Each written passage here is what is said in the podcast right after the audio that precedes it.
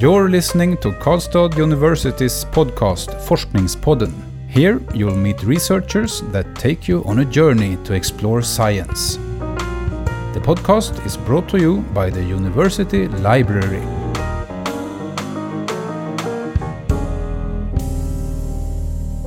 Hello and welcome. My name is Magnus. And I'm Nadia. And today we welcome Farzaneh Karegar uh, back to Forskningspodden and to our studio. Welcome, Farzaneh. Hello, thank you. You're a doctor of computer science specialized in the field of human computer interaction. And uh, your research is focused on the question on, on uh, how users can take control of their personal uh, data online. And last time we met you was in 2018 uh, when you had completed your licentiate thesis. And we actually recorded that interview on the 25th of May, to, to be exact, which was the day when the uh, General Data Protection Regulation, or GDPR, uh, took effect as law in all member states of the European Union. Um, but the regulation itself came into force already two years earlier in 2016. So for five years, we have all lived with the GDPR so to speak. And you have conducted research on privacy issues online during almost the entire lifespan of the GDPR. yeah. uh, so, starting with a very general question, from your point of view, uh, what are the most important developments we have seen when it comes to privacy online during this five year period? Uh, in my point of view, uh, if we think, for example, about uh, privacy policies, uh, on different websites and different service providers. Uh, there has been some developments. There has been some positive things. Uh, uh if we think about privacy, for example, the, there were uh, large-scale empirical studies showing that uh, now, nowadays more websites they offer privacy policies to the users. They try to include GDPR terms in their privacy policies and make it more transparent that what has been done uh, or what uh, what's going to be uh, what's going to happen uh, on users' data, what are the purposes of data collection, data processing. However, uh, although now we have uh, more websites with privacy policies and the privacy policies which are more compliant legally. however, and, um, these policies now are even more complex and um, lengthy with more jargon uh, jargon words. So there are two sides of that. Uh, we can say there were endeavors to be, to become compliant with the law. Uh, on the, on the other side, users were missed uh, in the whole uh, design process, uh, and there should be more improvements in this regard. also, there are research, for example, on uh, different kinds of uh, applications on mobile devices. That, for example, how they access resources on mobile devices before and after GDPR. That uh, our colleagues in Karlstad University also uh, did some research on that, and it shows that uh, after GDPR, so we have more compliant applications, mobile apps, that they try to access resources uh, in a better way, in a more privacy friendly way. But there is still gaps, uh, and uh, we have still applications that they access resources without uh, a binding purpose. For because it's really important that uh, they. Uh, we, we should have purpose limitations and it means that services should just access to the resources to the information that they really need for their for their task to to for example conduct or to uh, accomplish their goals and their services. However, uh, still there are, for example, some mobile apps that they access resources uh, that they don't need to access uh, to, for example, offer different kinds of services to users. So they are not uh, privacy friendly in a sense. It's not. Uh, it, they mention it, for example, in the in their privacy policies, but if we take GDPR into account and the need for purpose limitation, uh, they have uh, still uh, lots of problems. so th- there has been lots of endeavors and developments because if we think about the fine that the GDPR uh, pose to poses to the different services if they are not compliant. So that there has been developments, but still uh, they are not uh, as effective as uh, intended by lawmakers because users are missed uh, Okay. uh, in the whole design process. That there is still research to be done for you as a Yes. researcher. Yeah, Okay, definitely. That's great. Yeah, and this is exactly exactly what I was going to ask because your research focuses on empowering the user. And you write on the back cover of your thesis there is an increasing need for different social, technological, and legal solutions that empower users to take control of their data. Could you um, tell us a little bit more about this, exactly how it's done, and what you did in your research? Yes, sure. Uh, maybe I can also make another example regarding the cookie consent or cookie banners. Uh, after the GDPR, uh, if you uh, if you if you have noticed, uh, probably you've noticed because on every website that you go now, lots of pops up, just Yes. uh, block your way, and you should say, okay, I agree. Or if you want to spend your time, or, or maybe kind of waste your time, uh, in some users' opinion, you you should just dig into different layers of that to find if you can uh, make something uh, out of it, like uh, opt out from disclosing or sharing some kinds of cookies or not. So, uh, uh, for example, this is also all of these cookie content that we are overwhelmed with are the results of trying to be compliant with the GDP, GDPR, but in the wrong way, not considering users uh, uh, into the whole design process, and uh, about different legal, societal, and technical solutions. Because in GDPR, it's uh, it touches upon different aspects. It, it says that all of uh, information that service providers, for example, should provide to the users, they should be in a concise and intelligible uh, format. Uh, so it, it somehow uh, it's also emphasized on the role of the users that you should uh, take users uh, into account their cognitive capacity and uh, the understanding their needs. Also, there are some some requirements and suggestions in the GDPR that touches upon the technical parts.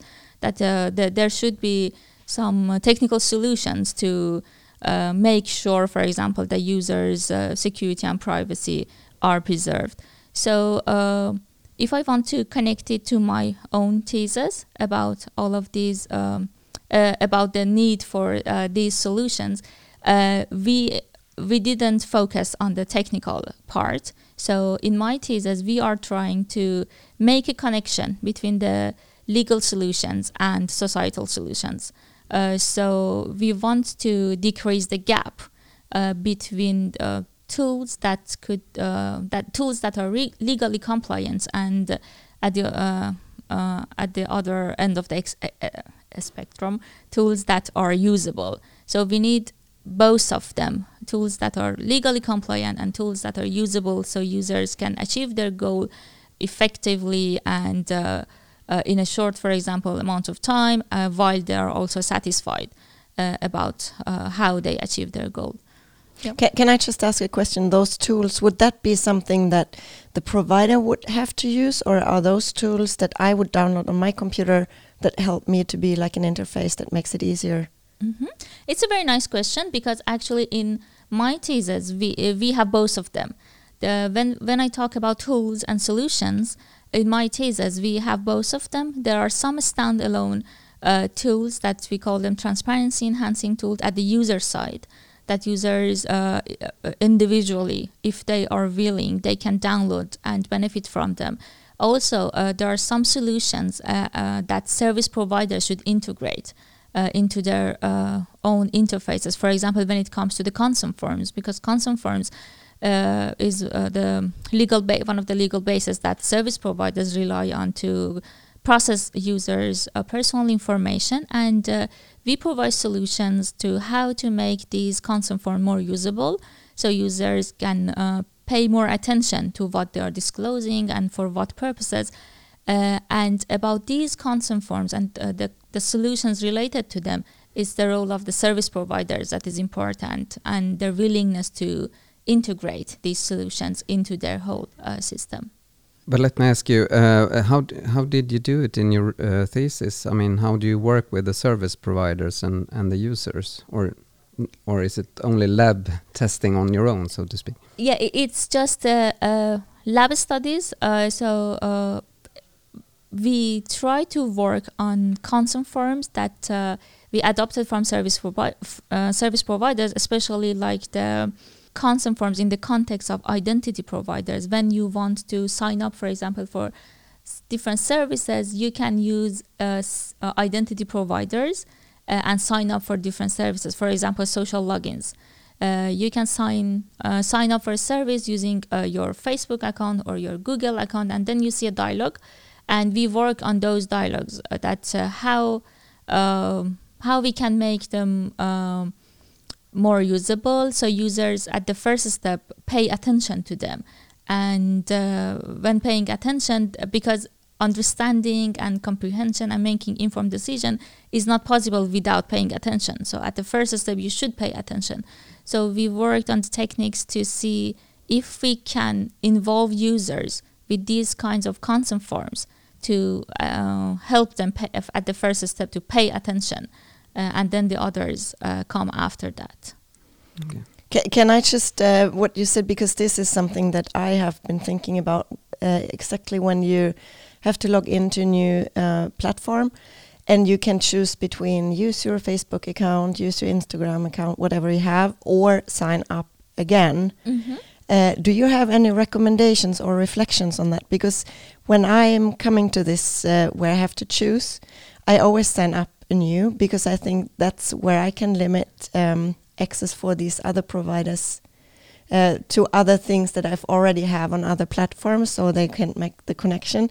But is is that like a logical thinking, or definitely when you use uh, these social logins to sign up for services, uh, this platform, for example, Facebook and Google knows uh, that to which services you are signed up. So they can track you. They know uh, that, okay, at this specific time, for example, Nadia, sign up for this service. And uh, of course that they can make profile uh, on you and collect more information. From privacy point of view, uh, it's better not to use them but they are convenient. Sometimes people just use them because they are convenient. They are faster. You can just uh, make uh, in one or two click you are just signed up. But if you want to go for um, we call it manual uh, sign up, just to fill a form, uh, enter your email address again, and confirm your email address. So there are more steps involved. Uh, again, it's like a trade-off between uh, convenience and privacy. But of course, you are right. from privacy point of view, they can easily make their profile of you bigger and bigger. I want to turn to another question, and um, the goal of your research was, as we said before, to empower users to have more control of their data. What do you think are the biggest hurdles? Like, if you're thinking about social aspects, psychological aspects, and maybe you already touched upon that with regard to like being lazy and not wanting to sign up? Or are there any technological hinders or legal aspects? What do you think is the biggest biggest hinders for for, for the empowerment of the user? Mm -hmm. yes. I think there are several things involved. Uh, one of the issues related for example to privacy policies that users do not uh, they are not willing to read them and they just accept them and agree to them. It's not just the it, it's not uh, we cannot just say that service providers are guilty here because uh, they use the, we have different stakeholders and they have different points of view.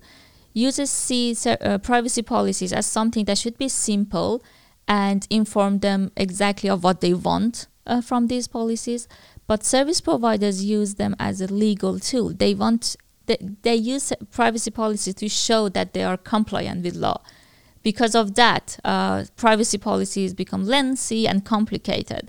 So here, uh, I think when service providers want to, of course, become compliant with law because they, they are uh, uh severe consequences, I think the trend should change and they should also take users into account.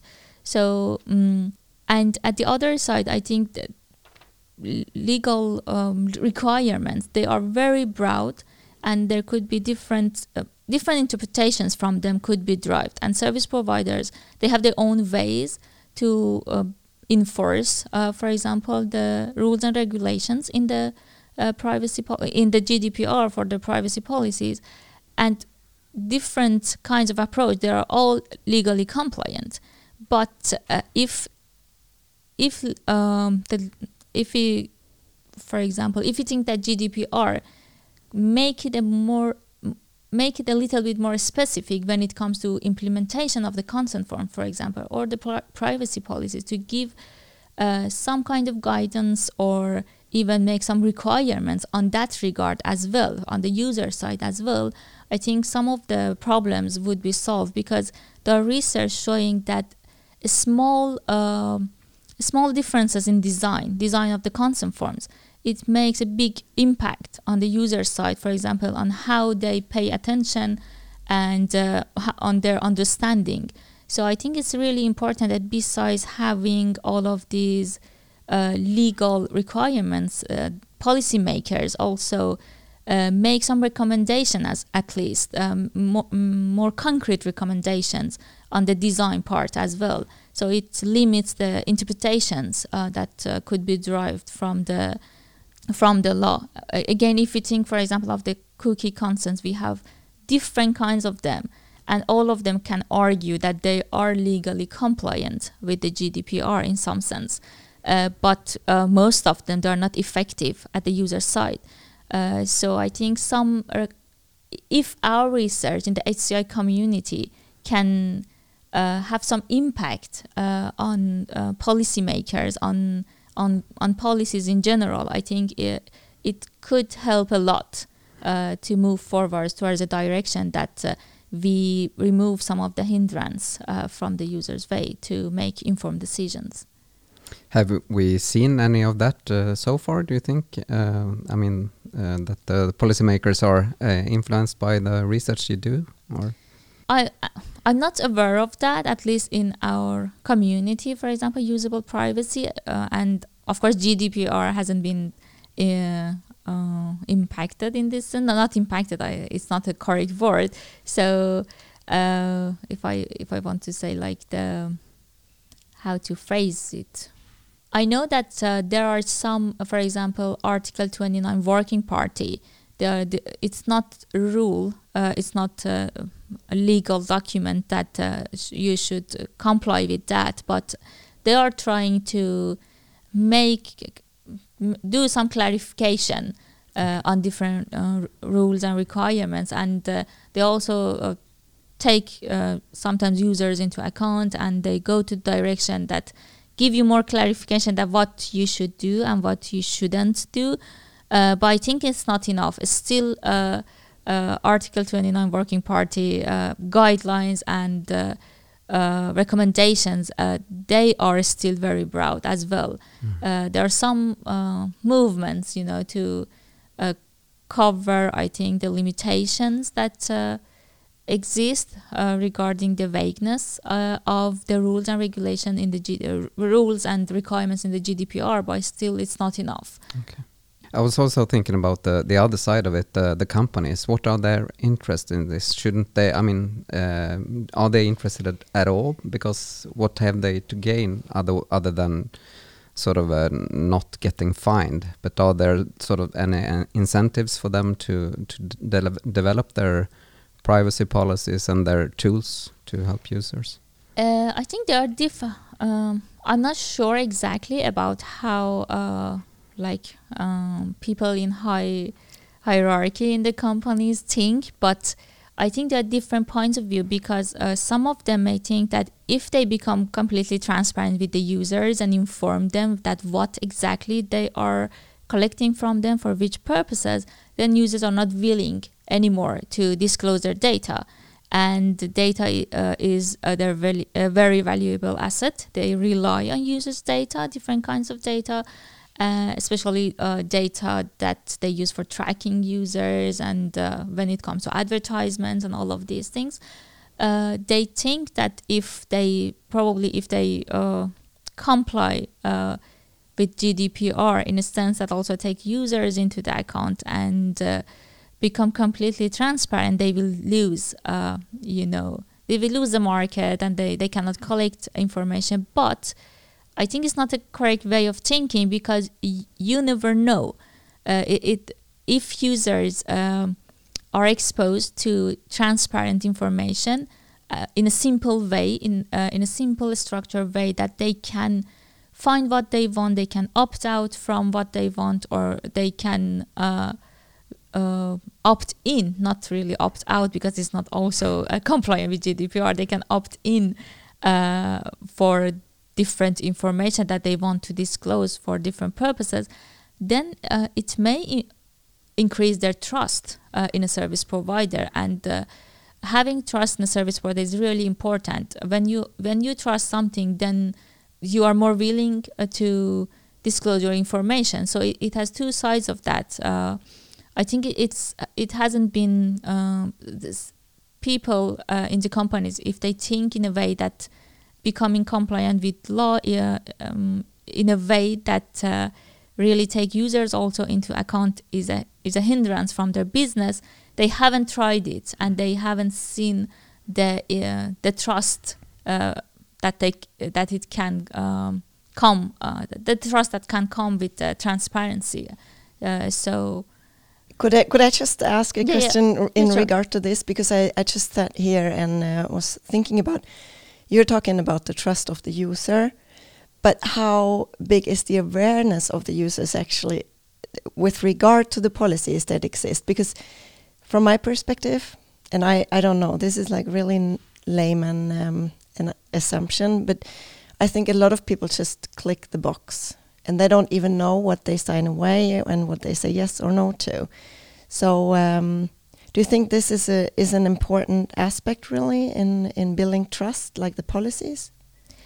Uh, I, I'm not sure if I understood uh, your question correctly, but uh, we are not saying that with this- this current state of privacy policies, service provider can make trust. No, because uh, as I said, even for having trust at the first step, you should have the attention of the users to what you uh, offer to them. And without attention, of course, awareness and comprehension also doesn't follow. Uh, so, for example, in my thesis, what uh, what we did was to focus on the attention part to see how we can solve the first step, how we can catch users' attention into consent forms, for example, uh, and uh, uh, oh, for example, if, can I just go to the direction to the, uh, of my thesis? That would be brilliant. So you could just maybe let us know the most important results from yeah. that that would be great. So in in part of my research, because uh, we we have different uh, tools and solutions, in one of them that is related to service providers, uh, some like. Uh, that the results of that uh, should eventually be adopted by service providers because it's about the consent forms. Uh, we try to uh, involve users with the content of the uh, consent forms. For example, with with the information about what uh, is going to be collected about you for which purposes. And uh, also, we inform users, we, we didn't involve them with the other conditions of the consent, but at the first layer, we put the most prominent uh, or important information for them to make informed decisions. And uh, we focus on different interaction types, interaction techniques. Uh, I mean, checkboxes, drag and drop, swiping. And we try to see if involving users with different ways uh, can make a difference in their attention. Uh, we had different groups. Uh, if uh, I, I talk about our study design, we have uh, we had different groups, and in each group, users just experience one of these interaction techniques. For example, checkboxes. Uh, they had to select uh, what information they want to disclose for which purposes. And in the other group, for example, in drag and drop, they had to uh, drag the information that they wanted to share and drop them in the areas for different purposes. So in this way, they they had to select what information they they wanted to be shared for which purposes. And we had the swiping that they had to swipe over the purposes that they wanted to be selected, and we had we had a control group that they were not involved at all. Uh, and then uh, we saw that uh, active engagement with the content can really help people to pay attention uh, to the consent forms and people in uh, drag and drop swipe and uh, checkbox group they paid much more attention to the information that they wanted to share and also the purposes.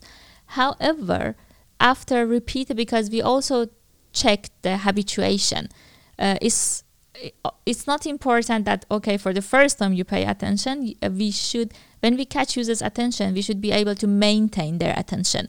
However it's very difficult to maintain users attention because of habituation so in our research we also studied afterwards the effects of habituation on the effectiveness that we achieved from active engagement with the consent forms and we saw that after repeated exposure to the consent forms the, uh, we didn't see difference, but uh, we didn't see any difference between the groups regarding their attention.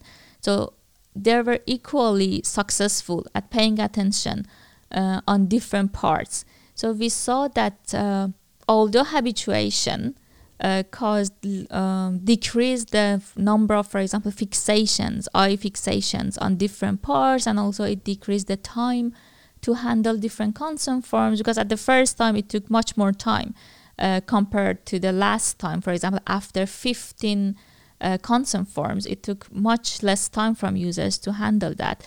But we saw that uh, this process, this habituation process, helped them to more effectively and efficiently react and handle the consent form. So during this process, they learned to what parts of the consent form they had to they have to pay attention to be able to make informed decisions. So we assume uh, that habituation can be positive if we have uh, uniform consent form with identical layouts uh, between different service providers. Again, if we take cookie consent into account, now we have different kinds of layouts. And if you, for example, spend uh, time on this website on a specific layout, it will not help you on another website because it's different with different kinds of information, different kinds of layout, buttons, colors. However, uh, our research revealed that uh, uniform consent forms, if they have identical layouts, they can really help people um, to learn gradually and easily in a very short time that to what parts they should pay attention. And in this way we can benefit uh, from habituation as well. That's super interesting because it sounds kind of counterintuitive that uh, that more standardization actually helps users to to um, keep their awareness about this. Exactly. Mm. Uh, it, it, was also interesting when when we were analyzing our results, and we should pay attention that here we have active engagement of the users. If we do not have active engagement and and it's just identical layouts, uh, it's uh, we cannot benefit from the habituation, but we have active engagement that they they have to uh, react to the content uh, of the consent forms, and also they know to what parts they should pay attention. They learn it uh, gradually when they they are exposed to different consent forms, and uh, it it really helps. Uh, but again we have some recommendations also that what kind of engagement uh, or how these kinds of engagement should be employed uh, because the type of the engagement and how and for what kind of information you use this kind of engagement is also important when mm-hmm. you want to catch users attention could you elaborate a little bit what would would it look like yes for example we recommend designers to use uh, because our results show that for uh, frequently reappearing consent forms, checkboxes, they just suffice for catching users' attention. Um, because uh, after the habituation um, period, we observed that there, there was no difference between different groups. So we don't need to bother users with uh, more uh, complicated uh, um, action modes like drag and drop. Uh, but for um, consent form that they are uh, shown seldom or once in a while, we recommend designers to use drag and drop because when it for the first exposures to the consent form, drag and drop is much more helpful to catch their attention. Uh, also, uh, we recommend designers to use uh, uniform um, type of engagement. You use uniform type of interaction. For example, you shouldn't use checkboxes for some kinds of information and drag and drop for others, because in this way you uh, catch users' attention to some parts uh, more than the other parts. If you have uh, substantial policy information that users should pay attention to them in order to make informed decisions, you should use the same type of interaction uh, to engage users with all of this substantial information. Who do you hope uh, will read your thesis? Uh, policy designers at the first step. Uh, I hope that they read my thesis because there are uh, several recommendations uh, not only related to the consent forms but also related to privacy notifications that can help users to uh, act upon their data. Uh, that these privacy notifications are part of uh, transparency enhancing tools. Uh, and uh, I hope that designers, policy designers, they read my thesis and afterwards policymakers, because I wish that somehow our research uh, in this community, in general, usable privacy can impact, can have a good impact on the policy and policymakers.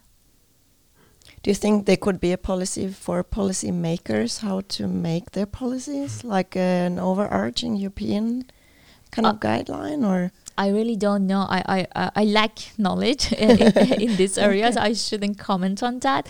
But there are lots of uh, barriers when it comes, uh, especially to impact from HCI community on policymakers, because uh, especially when uh, when it comes to um, qualitative studies, it's very hard because I, I read some papers that uh, they, they were discussing the barriers and sometimes it's hard to convince them based on you know small uh, scale studies that is just based on qualitative data and also a small group of people. So uh, I think maybe uh, dif- the methodology should also change. Uh, the, the, methods that we uh, uh, we apply in our research, we should always try to discuss about the validity of the results and reliability and how and to what extent it's uh, it can be generalized. So uh, if we argue uh, with that, um, if we argue that the results in this community can be generalized to the whole population, uh, maybe then policymakers are also more willing uh, to rely on this result. But uh, if you just publish, for example, some results based on a small group of people, and always there are lots of limitations about the population uh, that you had. I mean, the sample size and uh, the characteristics of the people that you had. So it's hard to argue that uh, if it goes into the policy, what happens for different groups of people in different countries a very complex uh, field and question, really. Uh, Farzan, our time is uh, almost coming to an end, but is there anything that we forgot to ask you that you would like to highlight for our listeners with regard to what you have done? I wanted also to mention about uh, dark patterns because what we've done in our research regarding engaging users and we showed that it's effective and it could help people uh, to pay more attention to what they disclose for which purposes uh, it's valid as long as we do not have dark patterns. And dark patterns means user interfaces that are carefully crafted to deceive people to move them into a direction that they disclose for example more information However, uh, if the dark patterns didn't exist, they wouldn't do that. Uh, so, and the dark patterns, they are very prominent, and they, they, they, we have lots of dark patterns involved in again cookie consent banners, and as long as we have dark patterns, the engagement cannot be effective. Even the engagement uh, in in the policy information or in the consent forms can be used in a way that trick users uh, for example, the drag and drop that we tested, it's more effective when uh, to catch users' attention to what they drag rather than to the places that they drop uh, the dragged items to. So even policymakers or policy designers, uh, sorry, can may use drag and drop in a way uh, that we assume it's a dark pattern because they may uh, the substantial information may be on the um, uh, drop part rather than the drag part. And then users pay attention more to the drag Mm. part rather than to the drop part. So, it, because of that, we have some recommendations that how uh, these uh, interaction techniques can be used. And uh, dark patterns nowadays are very common, and uh, there are lots of research ongoing that how we can avoid it and how we can in- even inform users uh, about dark patterns. Yeah. Could you, just to wrap it up, uh, say what these recommendations are Uh, about uh, for the dark to recognize the dark? Uh, uh, we, don't have a recommendation to recognize dark patterns, but we have a, uh, one of our recommendations was about uh, using drag and drop uh, in a way uh, to in a way that uh, it not it doesn't lead to a dark pattern. Uh, so if policy des- uh, designers want to use drag and drop to catch users' attention, all substantial information should be dragged rather than be the target for the drop action. Uh, so yeah, it was the recommendation that uh, we gave to the policy designers as part of our thesis. Okay, great. Thank you. Um, very warm thank you, to, uh, Farzaneh. That was uh, very, very interesting. And it was cool to have you at Forskningspodden again. Thank you. Um, good luck with your upcoming research uh, because you are going to continue, yes. even uh, though in a little bit uh, different direction. And to our listeners, very warm thank you for staying tuned and welcome back next time. You have listened to Karlstad University's podcast Forskningspodden. The podcast is brought to you by Karlstad University Library. All episodes can be found at kau.se forskningspodden.